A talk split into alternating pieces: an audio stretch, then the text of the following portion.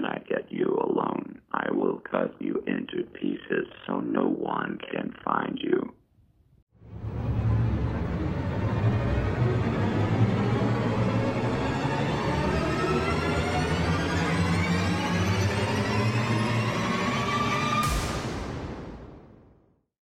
Þetta var ekki fyrsta óhugnalega símtalið sem að Dorothy fjekk frá þessu tiltekna leininúmeri.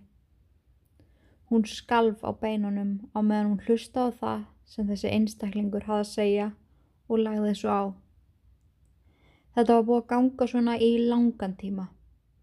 Hótanir eða ástarjátningar og nákvæmar lýsingar og öllu því sem hún var að gera og því sem hún klættist. Einhver fyldist með hverju skrefi sem hún tók. Hún gata ekki annað en velti fyrir sér hvaðan hún kannast röddina á hinnilínunni. Henni fannst hún svo kunnuleg en gati ekki fundið út hvaðan. Símtölinn heldu áfram og Dorothy reyndi sitt besta að halda haus og vera sterk.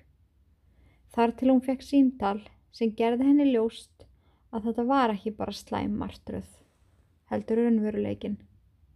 Come outside. I see you. Þegar hún kíkti út eftir símtalið sá hún glitta í eitthvað undir rúðuþurkun á bílum sínum. Það var ekki sjans að hún þorði út að skoða betur, svo hún ákvaða að býða til morguns. Dorothy vakti alla nóttuna. Hún gati ekki sofið. Hún óttaðist svo innilega um lífið sitt. Hún óttaðist svo innilega um líf svona síns. Þegar hún loksins þorði, þá fór hún út og kom þar auga á rós undir úðþurkunni. Rós sem var fölnuð á dáin. Dorothy brotnaði niður. Þarna vissi hún að eitthvað slæmt við hennar.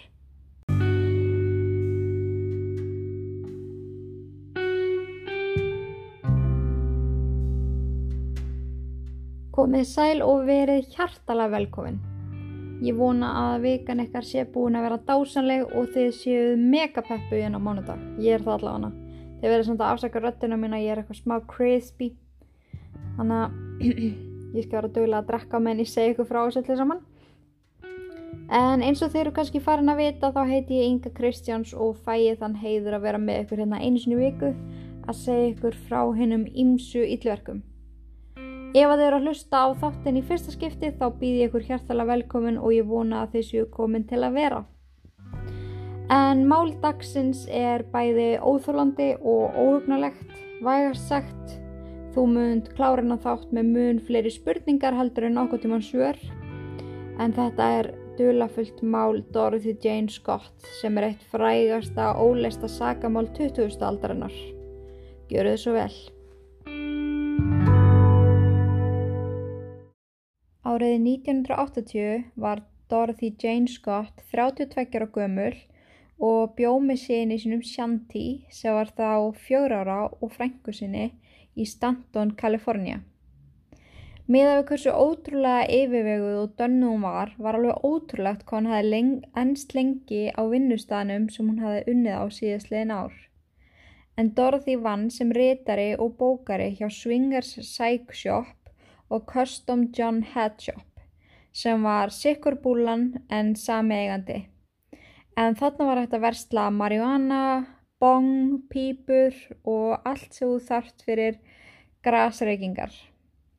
Þannig að það var að koma inn mjög vafasamt fólk oft á tíðum og þegar að fólk fréttaði að hún, hún væri að vinna þannig þá var það bara ha, það meikar engan sens því þetta var svo langt frá því hvernig típa hún var.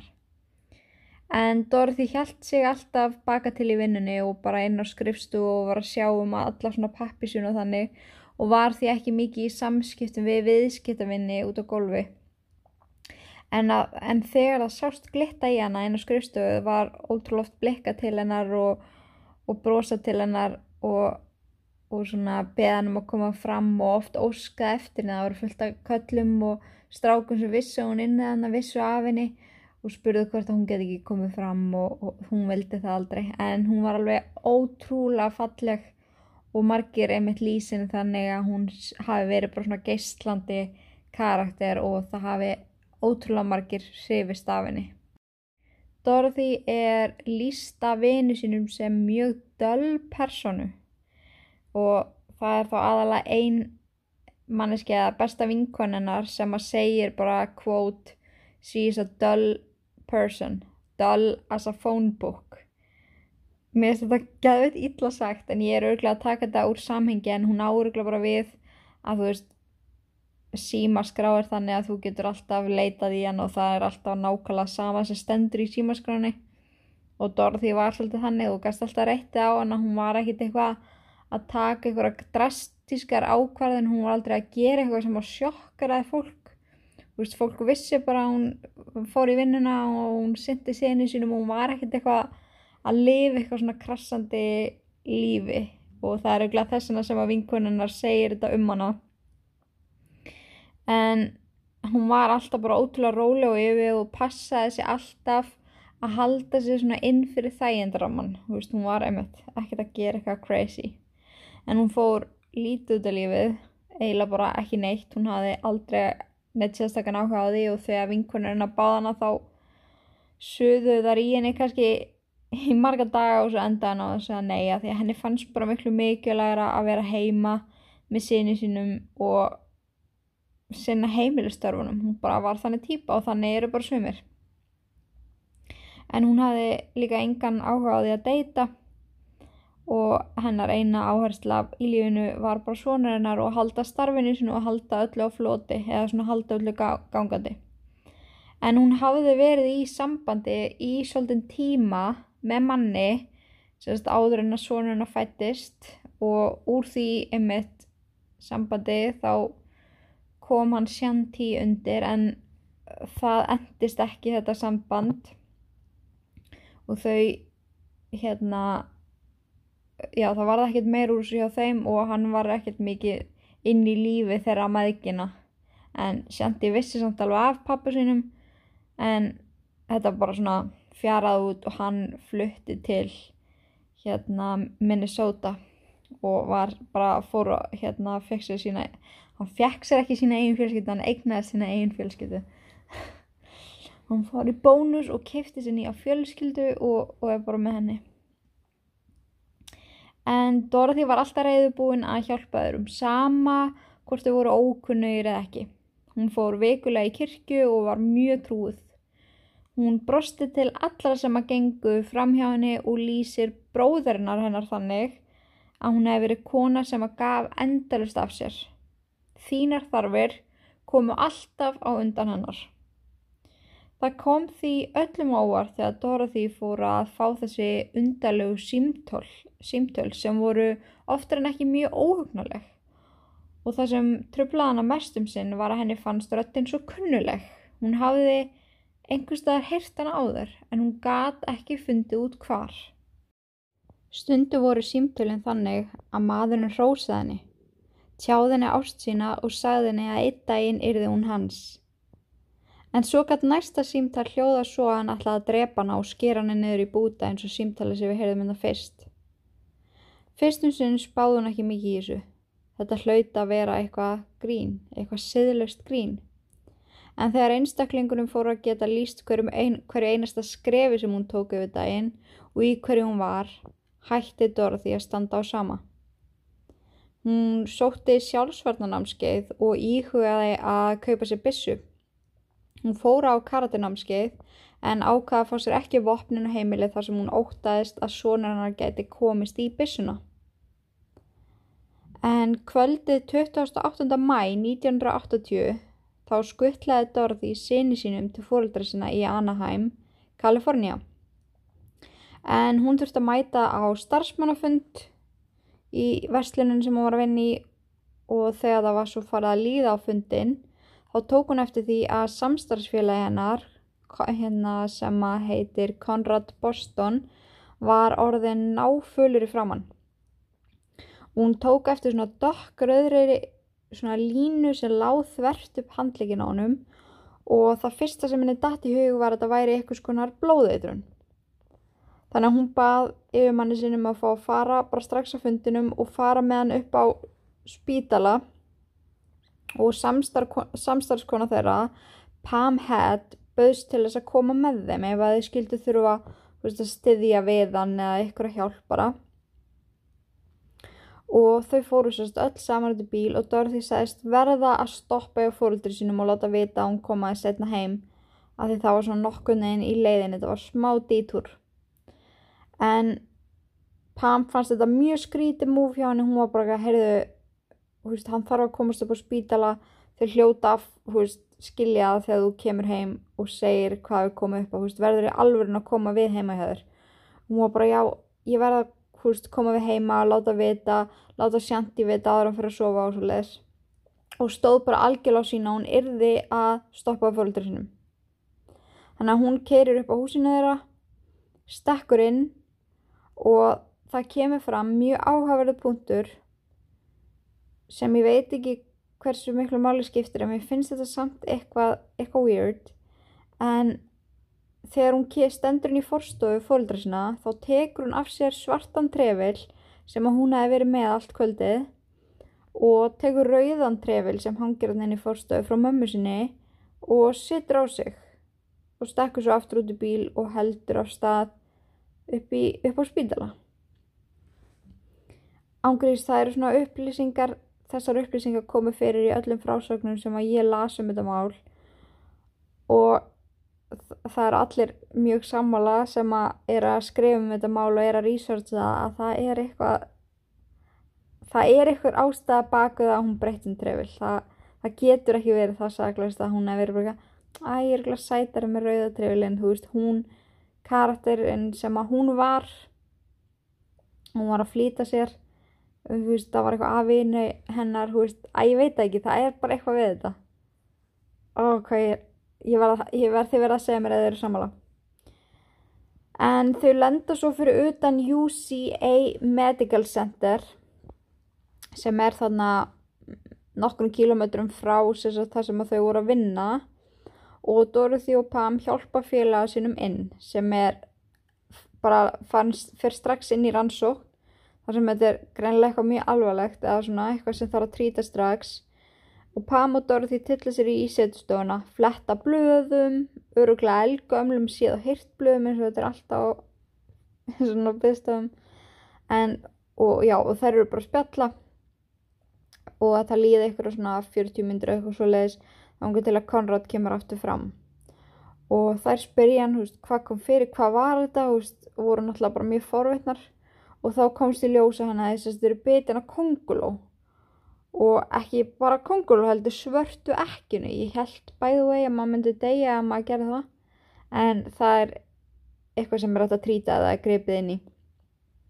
En hann þurfti að fara á svona livjakúr þannig að að hálftíma fresti þurfti hann taka einn lif næstu viku. Og koma svo aftur upp á sjúkrár og þá ætti hann að vera orðin góður. Þannig að hann mátti fara heim. En áður en hann fór þá þurfti hann að býða eftir að fá útlutið lif veist, frá lækninum. Þannig að hann, það var bara sagt hann að setjast með þeim í byðstöðun og hingra eins á meðan lifin voru höfð til fyrir hann. Og Dorothy er bara ok, frábært snild, ég ætla að hafa á klóstið og svo ætla ég að hlaupa út og sækja bílinn og kveikja á hann og koma með hann enda upp að þannig að þú þurfur, ekki verið að lappa eitthvað langt. Og hann bara, neini, þetta er allt í góðu. Hún bara, ekkert mál. Það er líka bara næst að setjast inn í hlýjan bíl. Og og hérna um tíu myndu setna er aðfendt Konrad lefin sín og hún er frálst að fara. Og hann og Pam ganga út af sjúgrásinu og búast náttúrulega bara við því að sjá vinkóri sinna fyrir utan á hvítum Toyota Station Wagon. En þau sáu bílinn hverki en þau voru ekki mikið að stressa sig á því. Og þau byggust við því að hún hefði bara skroppið eitthvað í nokkra myndur veist, út í sjóppu eða taka bensín eða eitthvað, þau voru ekkert eitthvað svona oh shit, hvert er hún, hvað er hún, skildan okkur eftir. Þau fóru, fóru aftur einn, settist niður og byggðu bara í nokkra myndur og þegar það var liðið svona haldtími eða 25 minútur þá lítaðu hvort annað og hugsa með sér, þetta, er, þetta er rosalega skrítu, þetta er rosalega ólíkt ára því.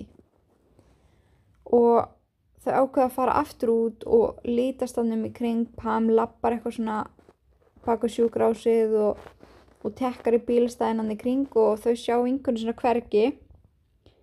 Svo bara allt í einu kemur bílinn keirandi inn á planið. Þau eru bara ekki, já ok. Vist, hún hefur bara skröppið eitthvað. En bílinn hann kom á sko sko ógna hraða tókuð eftir í að ég sagði sko sko. Teisur í röð. Það er mjög krúllett Tjók. En já, bílinn kemur á ógna hraða í áttinaðum og háuljósin voru kveikt.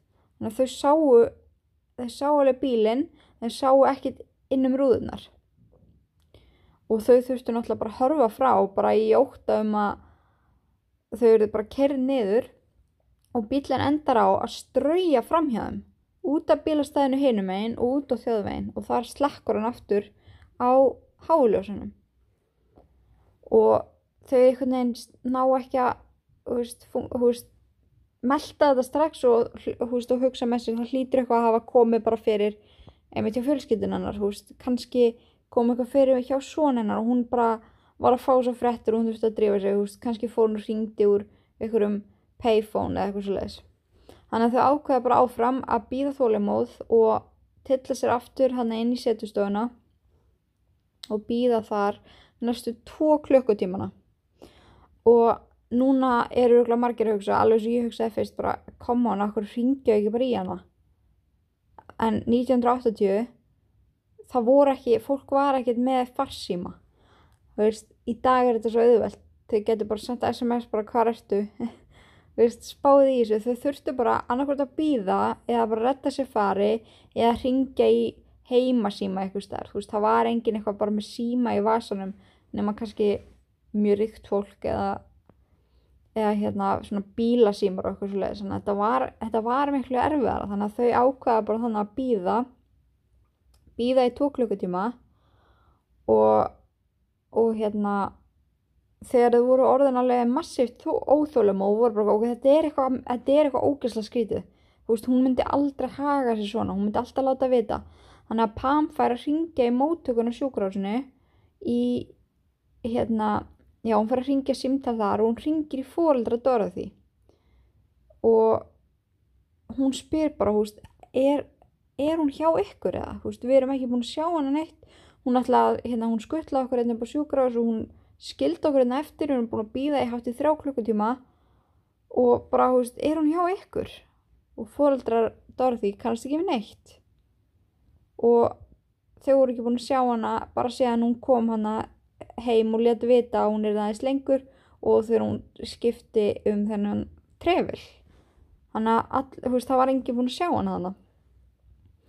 Pam ringir þarna á laurugluna, hún fara að ringja aftur í móttökunni og deilir áhugin sínum að því að hún þek, þekkir hana mjög vel og hún vissi bara að hún sem karakter myndi aldrei keira bara í burtu og sérstaklega veist, hún hefði skilað ef hún hefði verið heima á fólkdur sinum og það hefði eitthvað verið aðhjá stráknum hennar það var ekki þannig veist, hún var ekki á fólkdur sinum og sonur hennar var heima á fólkdurum hennar þannig að þetta var rosalega skrítið en 911 starfsmæðurinn hálfpartinn svona gerir grína henni fyrir að ringja út af einhverju svona fáralögu. Eins og ég hef oft sagt einhver en að þá er ekki þetta að gera í því þegar fullarinn manneskja stingur af. Það er bara, sorry, en það er ekki þetta að gera því þannig að það er ótrúlega algengt að fólk yfir, þú veist, átjónara, ef það fer eitthvað svona, þá tapast oft ótrúlega dýrmætu tími af því að lauruglan þarf að býða í eitthvað ákveðin langan tíma, hvort þessu 24 klukkutímar eða 72 klukkutímar þanga til að þeir leita, þú veist, geta farað að leita. En þú veist, að þú ringir þrem klukkutímum eftir að fullar en manneskja spýtar í burtu og skilur það eftir, þá getur lögregluna bara að fara að segja, sorry, ég get ekkert fyrir þið gert. Fattiði mig. Sem er þetta mjög leðilegt en spáði því hvað verið mikið að gera í á lauruglunni ef að, að þeir myndu eldast eftir öllum svoleiðis málum en málið er bara að fyrstu 24 tímanir eftir svona mannskvarf eða eitthvað svona þá er svo dýrmættu tími sem að tapast því að það er langt mest sem gerist við fórnalambi fyrstu klukkutímana.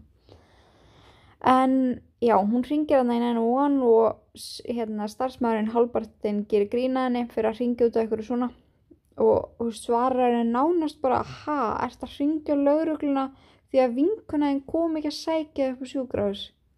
Hún bara eitthvað, nei, ég er að ringja því að þetta er mjög ólíkt henni. Og hann bara eitthvað við getum í rauninni ekkert gert fyrir, fyrir það á þessu- stíði mál sko. þú er að ringja aftur ef hún skila sér ekki þú veist, á morgun eða setnipartur á morgun þannig að Pam skellir bara á þú veist, fer bara með Konrad heim heldur ára múti í daginn og heyrir henni ekkert meira fyrir setnipartin þennan dag því að þá finnst bíllinn hennar Dorothy yfirgefin og brennandi til kaldra kóla út í vegkant 16 kílómetrum frá sjúkrásinu dagarnir liðu og ekkert bólaði á Dorothy og bíllinn var náttúrulega bara handónundur, það fannst ekkert þannig sér inn í honum nema bara, einhverja flöskur og eitthvað. Og þetta er svo þetta er svo skrítið en það, já, það koma enga fréttir af henni engin símtöl ekki neitt, engar reyfingar á bankareikningum hennar og bara, veist, það er bara eins og hún hafi horfið af yfirborðið jarðar.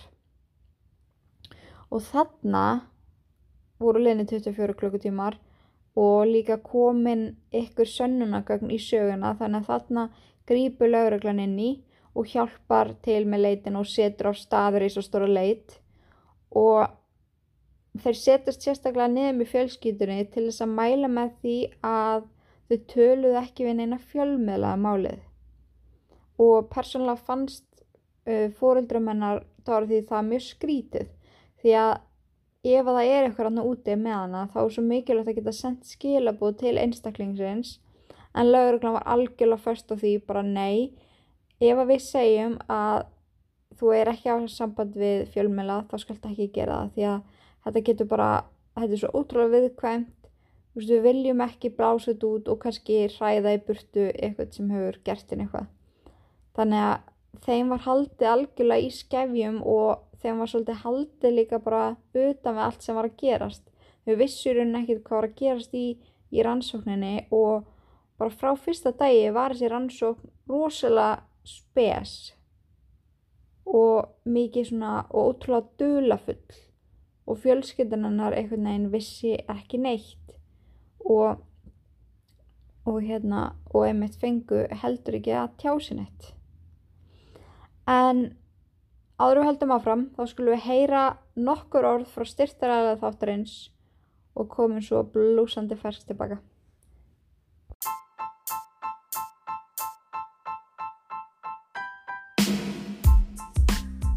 Ég fór um daginn í tannkvítun hjá blackq.is og tennuna minnar fóru upp um 5 byrtustig. En þetta tók um 30 mínútur og litli munurinn. Þetta er alveg magnað, ég tók fyrir og eftirmynd og þá er svo auðsjánlegu munur. Það hurfu alls konar svona blettir sem eiga til að setjast á tennunar. En ég hef svo verið að nota tannkvítunar kitti þeim til að halda mig við og það er bara einhvern veginn allt betra með bjart brós, það er alveg þannig. En við Ílverkfjölskyldan fáum 20% afslátt af öllu inn á blackq.is og þeir stafið að blaq.is og einnig af tannkvíttuna meðferð. Bjartara brós með blackq. Bye! Velkomin tilbaka. En átta dögum eftir að Dorothy Scott hverfur og bílinn hennar finnst brunnin til kaldra kóla, þá fær Vera, mamma hennar, mjög ógeðfælt símtal sem hljóðar svo.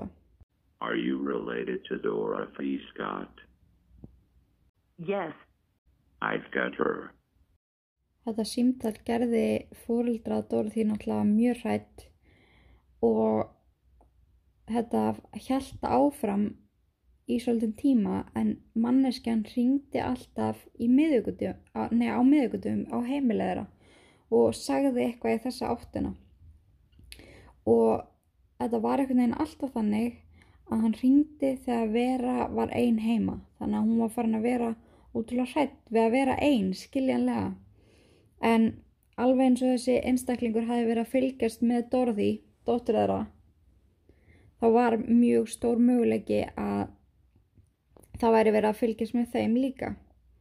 En þau ákveða þarna að keira af stað í að gera eitthvað í þessu. Þau gáttu bara ekki setið og þagað yfir öllu. Þannig að þau hafa sambandi lauruglu þau segja frá þessu að það sé ykkur búin að ringja og segjast vera með hann í haldi og þá þurfa að taka því alvarlega þannig að lauruglan herðir leitina setur upp alls konar vegatálma og hefur samband við þú veist alla sem að vinna með henni þau hafa samband við barsförunar og alla sem að hafa bara verið í sambandi við hana núna þú veist bara síðustu mánuði fyrir kvarfið og svo leiðis og mjög fljótla er bara rúlað nefnust er bara strika yfir aðala eftir aðala eftir aðala sem eru þá bara með fjárvistasönnun eða bara einmitt geta sanna það að hafa ekki verið ekki eins og nálagt henni þegar hún kvarf en þau hafa líka samband við Santa Ana Register Register uh, sagt, Vera og pappinar oh, jú hann heitir Scott. Nei. Oh my god ég er búin að gleyma hvað pappinar Dorothy heitir æ það kemur fram að eftir ég skrifaði þetta hjá mér. En allavega þá hafa þau samband við stærsta svona frettablaðið á, á hérna svæðinu sem við getum líkt kannski við bara einmitt frettablaðið eða djáfa eða eitthvað svo les að því þau vilja að sagan hennar komist á flug. Þú veist það vissu svo fáir af þessu nema bara þau og þau og fólki í bænum og vinir hennar að þau vildu dreifa boðskapnum. Því að að sjálfsögðu er gott ef fólk hefur augun opinn fyrir henni og þau sett af stað mynd af henni. Og það er þetta sjá þess að grein á Google, hún er ótrúlega óþægileg. Ég postaði henni inn á Ídlergrúpuna og það kemur hann að daginn eftir bara í prent strax um morgunin forsuð frétt bara Dorothy Jane Scott missing person og bara lýsingar um hana hennar ferðir síðustu daga veist, hvað fólk á að gera ef að það er ekki stána hvað það að gera að það sér eitthvað vísbendingar og bara, hú veist, verið að íta undir það að fólk hafi augun opinn. En það sem gerist í kjölfarið af þessari frétt er að réttstjórun sjálfur, réttstjóri blaðsins, Pat Riley, fær mjög undarlegt símtal. I killed her. I killed Dorothy Scott. She was my love.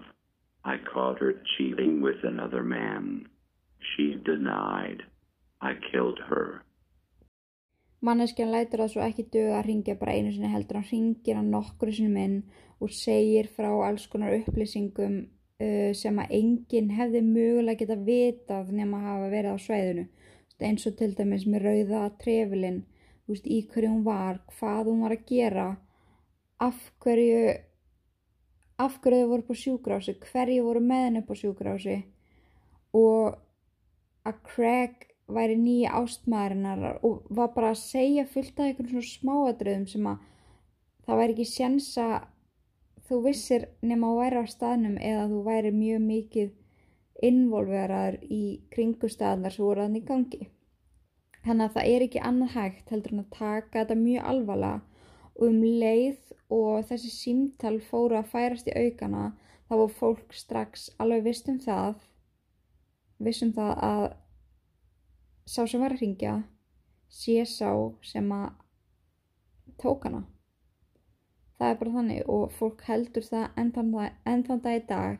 En það slæma og það sem er svo ótrúlega pirrandi við þetta er að ef þú ringir úr leininúmer í dag þá ertu ekki þá ertu screwed either way af því að tæknin er bara eins og góð þú veist það er þetta að reyka EP-tölur og bla bla bla bla en þarna var þetta ekki tækt þetta voru bara mannisir að ringjur svona payphone símum og, og það var einhvern veginn ekkert þetta að gera.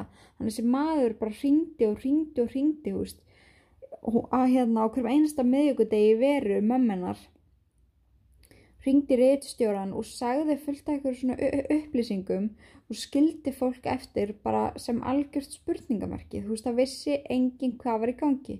Sérstaklega líka það að það var enginn sem að vissi af því að Dorothy hafi verið að deyta nokkurn mann. Þú veist, hún hafði ekki, að- hún hafði ekki sagt neinum frá því að hún væri að hitta eitthvað og síðasti maður sem að hún var með sem var vitað var barsfæðarinnar. Síðan þá hefur hún ekki nefnt neitt við vinkonu sínar, ekki neitt um mömmu sína, ekki til pappa sinn. Þannig að það var enginn í spilinu sem að þeim mögulega datt í hug. Og líka bara með að við hvernig karakter hún var, þá átti hún ekki neina óvinnu, þannig að það var ekkert að pinpointa á neitt. Það var einhvern veginn enginn sem kom til greina. Það er svo oft í svona sögum þar sem að það er bara ekki að heyrðu, tjekkja honum Villa. Villi er alltaf með leiðindi. Það er alltaf hægt að benda á eitthvað sem að hefur eitthvað tíma gert eitthvað eða sagt eitthvað eða verið með leiðindi en það er ekkert þannig í hennar máli. Það var engin meðnin leiðindi, ekki allavega sem að fólk vissi af. Hún hlýtur þá að hafa farið rosalega lengt með það en það að geta haldið upp þessum karakter sem hún var en unni samt á þessum stað sem hún vann á hann að selja bong og marihuana og eitthvað. Það gæti alveg hafa komið ykk- inn í ykkur aðstæður sem að hún réði ekki við. Af því að það er á þess að vera eitthvað leiðileg þá er oft kannski svona mismunandi fólk sem er að stunda þetta þótt að það sé ekki allir eitthvað weird. En það er alveg weird og að núti sem að voru þá sennilega að koma inn í þessa búlu og vestla af henn og hafa kannski séð hana og hún hefur brosað til þeirra og, og manneskina hefði verið orðið obsessed eða eitthvað svoleiðis af því það er alveg til í heiminum eitthvað sem heitir obsession. En ég var að lesa um þessa röskun en það er til þess að röskun sem að fólk tilenga sér eða tilenga sér, þróar með sér að þú verður svona ástjúkur þú veist, segjum bara að ég var að labba fram hjá einhverjum hann myndi labba fram hjá Pól Óskar og hann myndi brosa til minn og ég myndi bara verða ástfangin á honum og halda að hann sé ástfangin af mér. Og ég myndi bara veist, þetta moment, það myndi bara festast í heilanum á mér og ég gæti ekki hægt að hugsa um þetta. Og þetta er bara svona obsession og ég gæti bara ekki stoppað fyrir en að ég væri bara búin að læsa Pál Óskarinn inn í herbyggi hjá mér. Ég hann að setja þetta upp á mjög einfaldan hátt en ég mæli með að lesa um þessa röskun. Þetta heitir Obsessive Love og þetta er mjög áhugavert af því að það eru mjög margir búin að gíska á að aðilinn sem að á þátt í þessu sé með eitthvað svona röskun með að við allir þessi símtöl með að við það geta pint fjölskyldunanar með þessum símtölum og hafa verið að pinta hana líka áður nú hvarf með þessum símtölum.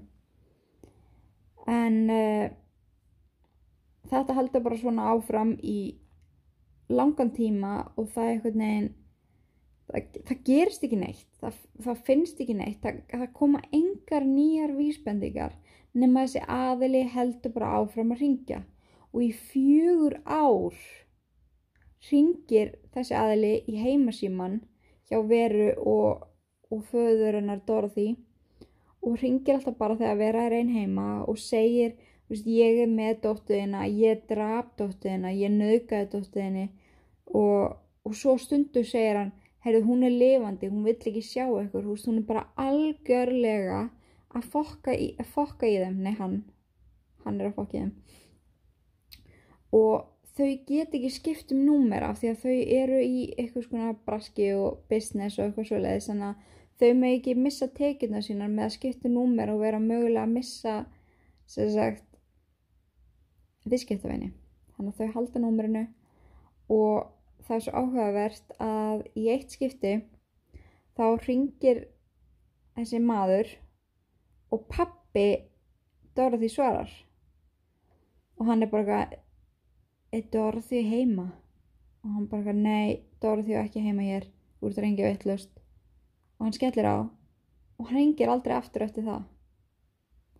Það eru mjög margir sem hafa spáð í hvort þetta geti þýtt eitthvað að því að það hefur komið fram mjög oft í þú veist alls konar viðtölum og eitthvað um þetta er að þessi manneskja átti það til að breyta röddinni sinni eða vera tók allavega sérstaklega til því að manneskjan breytti röddinni sinni á milli síndala þú veist, eins og þú veist, fyrstur undan að vera rosa djúbrataður, svo kannski talaði hann eðlilega og þú veist, hún heyrði það svona á röddinni að hann var alltaf að reyna svona að breytinni þú veist, reyna að vera óþækjanlegri síðan hefur hann ringt hann og pappin hefur svarað. Og hann ringdi ekkert meiri til það þannig að það eru mjög margir að spá hvort að hann hafi þekkt pappan og orðið brókslega hrettur að hann hafi svarað og verið bara sitt. Hann þekki mig hann er að fara að fatta hver ég er. Best að stoppa núna. Þú veist það er alveg pæling því að það meikar svo, meik- svo lítið sens að þessi aðili sé bara einhver random manneskja, fattiði mig. Uff, það er þetta það er að spá svo mikið í þessu að því þetta er náttúrulega óleist mál og er ennþá nokkuð opið í dag að það er alltaf verið að sapna alls konar vísbendingum og leiðbendingum nei, vísbendingum og hérna það eru ógislega margir bara með blogg um þetta sem eru búin að tilenga lífinu sínu í að reyna að finna út meiri upplýsingar og ég ætla að fara inn á nokkrar svona conspiracy theories með ykkur hérna á eftir. En næst ætlum við aðeins að heyra með gangmála því að 1984 þá kemur upp atvik sem að kom öllum virkilega á óvart. Á óvart. Fjórum árum eftir hvarf Dorothy fundus líkamsleifar hjá Santa Ana Canyon Road í Anaheim sem er rosalega stutt frá heimili fóreldrennar og er líka mjög stutt frá því þar sem að bíllinn hennar stóð og brandi kaldra kóla fjórum árum áður. En fyrstum sinn þá hjælt lögregla að þeir hefðu fundið hérna bara hundabein sem var rétt en þegar það var leita betur fundust mannabein undir beinagrind hundsins sem er mjög undarlegt. En fólk var svona að spá í hvort að þetta hefði verið hundur sem var bara svona lojal við eigenda sinna, hann hefði bara lagst niður og dáið þarna með eigenda sinum en beinin voru öll sendi í rannsókn. En viku síðar þá var það staðfest að þetta væru líkamsleifar Dorothy Jane Scott. Og nálagt líkinu eða líkamsleifunum fannst ringurinn hennar sem var törkislitaður ringur sem að ammennar hefði gefið henni og úrið hennar sem var í ótrúlega góða ástandi en það hafði stoppað 12. mæ 1980 sem var bara viku tíu dögum eftir hún hvarf eftir hún hvarf, það er alveg magnað. En á þessum tímapunkti þá er ekki hægt að gera neitt annað en að giska. Það er bara einhvern veginn ekkert að frétta það er ekkert sem er hægt að krafsa í bakkan með og það var svo ekki fyrir en sonur Dorothy komst á fullurinsár og fór að tjási um málið og fór að forvitnast. En hann alltaf vissi aldrei hvað hafi komið fyrir mömmu sína. En hann átti til fullt af myndum af henni brefum frá henni úst, myndum sem hún hefði teiknað með honum. Og hann var einhvern veginn svo eini sem að þú veist, gat tjáð sig um hana þar sem að þau áttu svo ótrúlega sérstætt samband. En máli er svo tekið upp aftur 35 árum setna þegar að strákurinn hennar fer að forveitnast um þetta og fer að krefjast svara og þá koma upp alls konar upplýsingar sem að lauruglu og rannsóknarlauruglu fannst vart að skoða betur. En eins og til dæmis nafnið Mike Butler þið munið líklega að taka eftir því að þegar þið farið að googla Dorothy Jane Scott þá mun þetta nafn alltaf vera að poppa upp því að það er komið rosalega mikið af kenningum í kringum þennan mann. Og ég skil það vel því að þegar þetta er sett upp svona eins og ég er að fara að segja ykkur þá, þá fer þetta einhvern veginn alltaf púslast saman í hausnum á manni. En Mike Butler var sagt bróðir stelpu sem var að vinna með Dorothy í hérna, í hérna marihuana búlunni og samkvæmt þeim sem að þekktu Dorothy og þennan strák og sérstu stráksins þá var Mike mjög hrifin af Dorothy, veist, hann var alltaf að byggja sýstu sinna að plugga deiti og með henni og plugga númerin hennar og eitthvað svo leiðis og varð svona svolítið obsessed á henni. Og og hérna hann bjósast í kringum Santiago Mountains og var þekktu fyrir að vera bara rosalega svona vafasemur náungi, þú veist, í vafasemum vinhópum og það komi sögursagnir um það að hann hefði gengið eitthvað svona, eitthvað svona köld. Það er ekki alveg að vita hvernig köld en hann hafi verið eitthvað inn í svoleiðis. En þegar hann var á sínum yngri árum þá var hann góðvinnu lauruglunar og á þeim tíma sem að Dorothy kvarf þá dætti hann bara ekki til hugar að tengja hann við kvarfið því að hann var yfirleitt bara svona petti að ræna litlum hlutum, gaur og var meira bara svona vesinnisúlingur heldur en eitthvað annað þannig að þeim dætti ekki eins og huga að tengja hann við þetta. Ég misti þetta mjög áhugaverð pæling.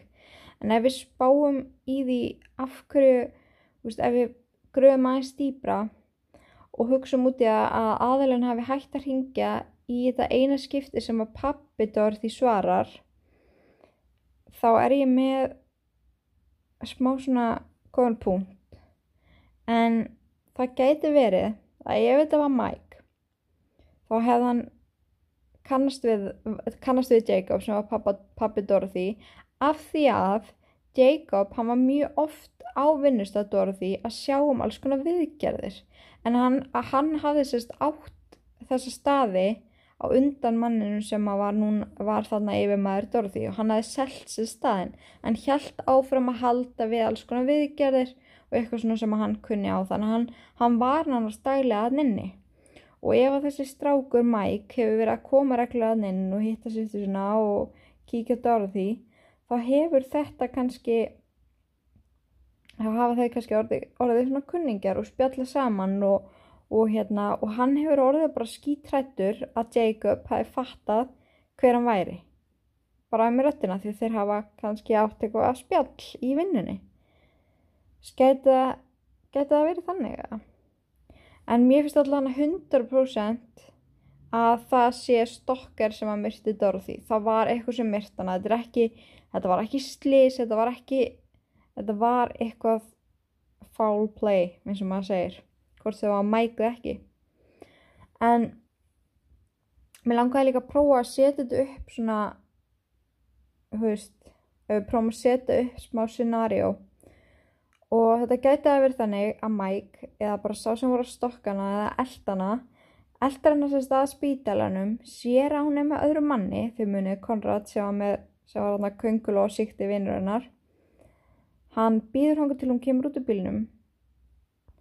Og neða, hann býður sérst hanga til hún kemur út og er einn, gengur upp að henni, spyr hann út í Konrad og svona snöggreiðist. Þú veist, ég get rétt ímyndað með hvernig, þú veist, ég, get, ég er svo mikið að sjá þetta fyrir mér en ég sé fyrir mér að hann svona trúi einhver sem hún segir. Og hún bara eitthvað, nei, þú veist, ég er bara að reyna að hjálpa hann og hann bara eitthvað, brálaður, hrindir henni kannski bara inn í bílinn. Og Já og við erum líka að muna það að hann segir í símtalinu við reytstjóra Santa Ana Registerblaðsins að hann hafi komið að henni með öðru manni þannig að meikar alveg sens ef að scenariðið var svona. En ég held að þau hafi verið bæði inn í bíl þegar bílinn ströyjar fram hjá sér Pól, nei hérna Pam og, og hérna Konrad. Ég er alveg 100% viss að það af því að af því að bílinn finnst þarna 16 km í burtu frá sjúkrásinu þannig að mér finnst ekki alveg mega sens að hann hafi kert í 16 km í burtu komið aftur tilbaka til þess að strauja framhjæðum til að keira svo aftur tilbaka tilbaka. Þannig að mér finnst mjög líklegt að það hafi verið bæðað inn í bílnum.